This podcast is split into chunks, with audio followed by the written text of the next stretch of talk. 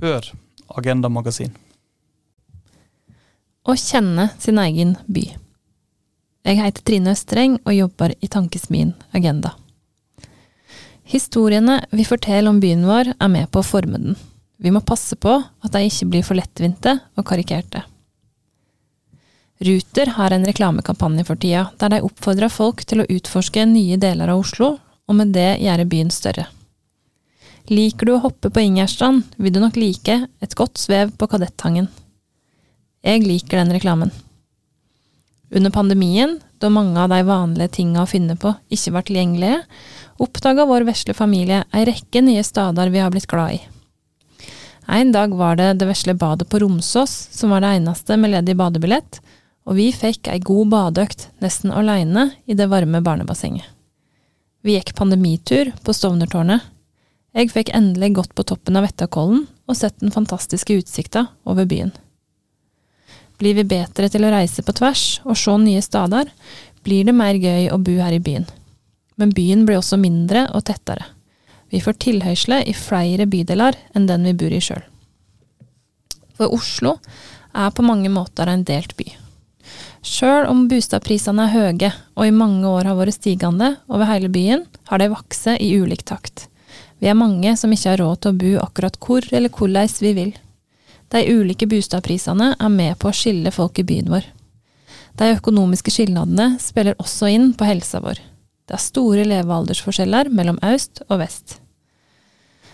Mange av oss bor i nabolag med folk som ligner oss sjøl. Det kan heve terskelen for å utforske nye områder og forstå hverandre. Derfor må vi hele tida jobbe for å bygge videre på fellesskapet på tvers i denne byen. Det er først og fremst et politisk ansvar, et ansvar jeg syns det virker som om dagens byråd tar på alvor. Vi får en bedre by når vi bygger fellesskapsarenaer, reduserer økonomisk ulikhet og styrker velferda for alle, f.eks. gjennom gratisaks for alle barn. Media og politikere her har også et ansvar for å se nærmere etter, før de kaster seg på overordna generaliserende enkeltskildringer av hele bydeler. At det finnes konkrete utfordringer å ta tak i på en stad, gjør det viktig å følge opp disse med tiltak, men det må være proporsjonalt og rom for flere sanninger på en gang. I sommer skrev Kjetil Rollnes en tekst om Haugerud i Aftenposten, som jeg opplevde som spekulativ. Det er ikke plass her til å gå inn på alt Rollnes skrev der, men jeg vil løfte ut et konkret eksempel. Kort fortalt omtaler han det som skjer på Haugerud nå, som et kulturelt sammenbrudd, som blir, sitat, fortiet. Teksten har ei rekke eksempel, men eit av de han bruker for å dokumentere påstanden, er at vår gamle barnehage diverre brann ned i vår. Det var trist og alvorlig, ikke minst for barna, at denne brann, og jeg håper politiet finner ut hvem som gjorde det.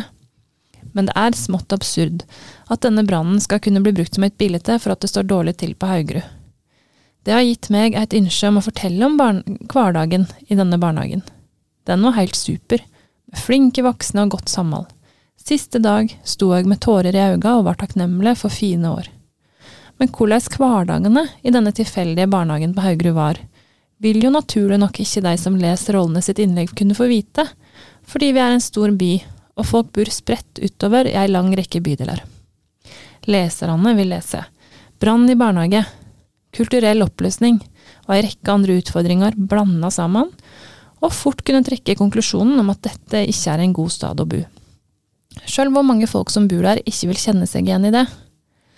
Aftenposten har heldigvis dekka spørsmålet om buvilkår på Haugerud med flere saker og avisinnlegg som til sammen har gitt et mer nyansert bilde.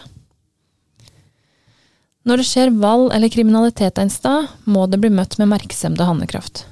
Forebyggende eininger som skole og barnevern, ungdomsklubber og politi må ha nok ressurser.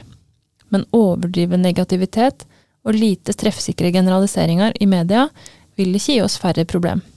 Det vil forsterke kulturelle og sosiale forskjeller, og heller kunne gjøre det vanskelig å håndtere de problemene en skal løse. Sjøl er jeg nå rotfesta på Oppsal, men før i livet har jeg bodd både i øst og vest. På ungdomsskolen skolen opplevde jeg både vestkant på Midtstuen og østkant på Skøyenåsen. Det var litt slitsomt, men også spennende og nyttig. For ja, det var mer uro på østkantskolen. Og ja, det var mer merkepress på Vestkantskolen, men det var fine folk begge steder. Men det var også fordommer begge veier. Det er 20 år siden. Siden den gang, siden den gang har forskjellene mellom de som har mest og de som har minst, økt enda mer. Og forskjellene mellom øst og vest har økt. Det gir større sjanse for å miste raushet og vilje til å forstå hverandre når ulike utfordringer oppstår. På ungdomsskolen drømte Hegg om at det kunne bli laga ei slags utvekslingsordning, der vestkantelever kunne gå på østkanten ei uke eller to, og omvendt, for å bygge ned fordommer. Det var kanskje ikke så realistisk, men nå tenker jeg i alle fall at vi alle kan gjøre vårt for å forsterke samholdet mellom alle slags folk i byen vår. Vi trenger mer vi, mindre oss og deg. Og da trenger vi politikere som er, representerer mangfoldet i byen vår, som vil være tett på og kjenne fakta på bakken godt nok til å komme med treffsikre tiltak til de utfordringene som finnes. Vi trenger media som er åpne for nyanser og ulike virkelighetsbeskrivinger av samme område, og vi innbyggere kan bidra ved å være åpne for å lytte til mangfoldet av historier om bydeler som ikke ligner på vår, vår egen. For vi er ikke bare mange bydeler ved siden av hverandre, vi er én by.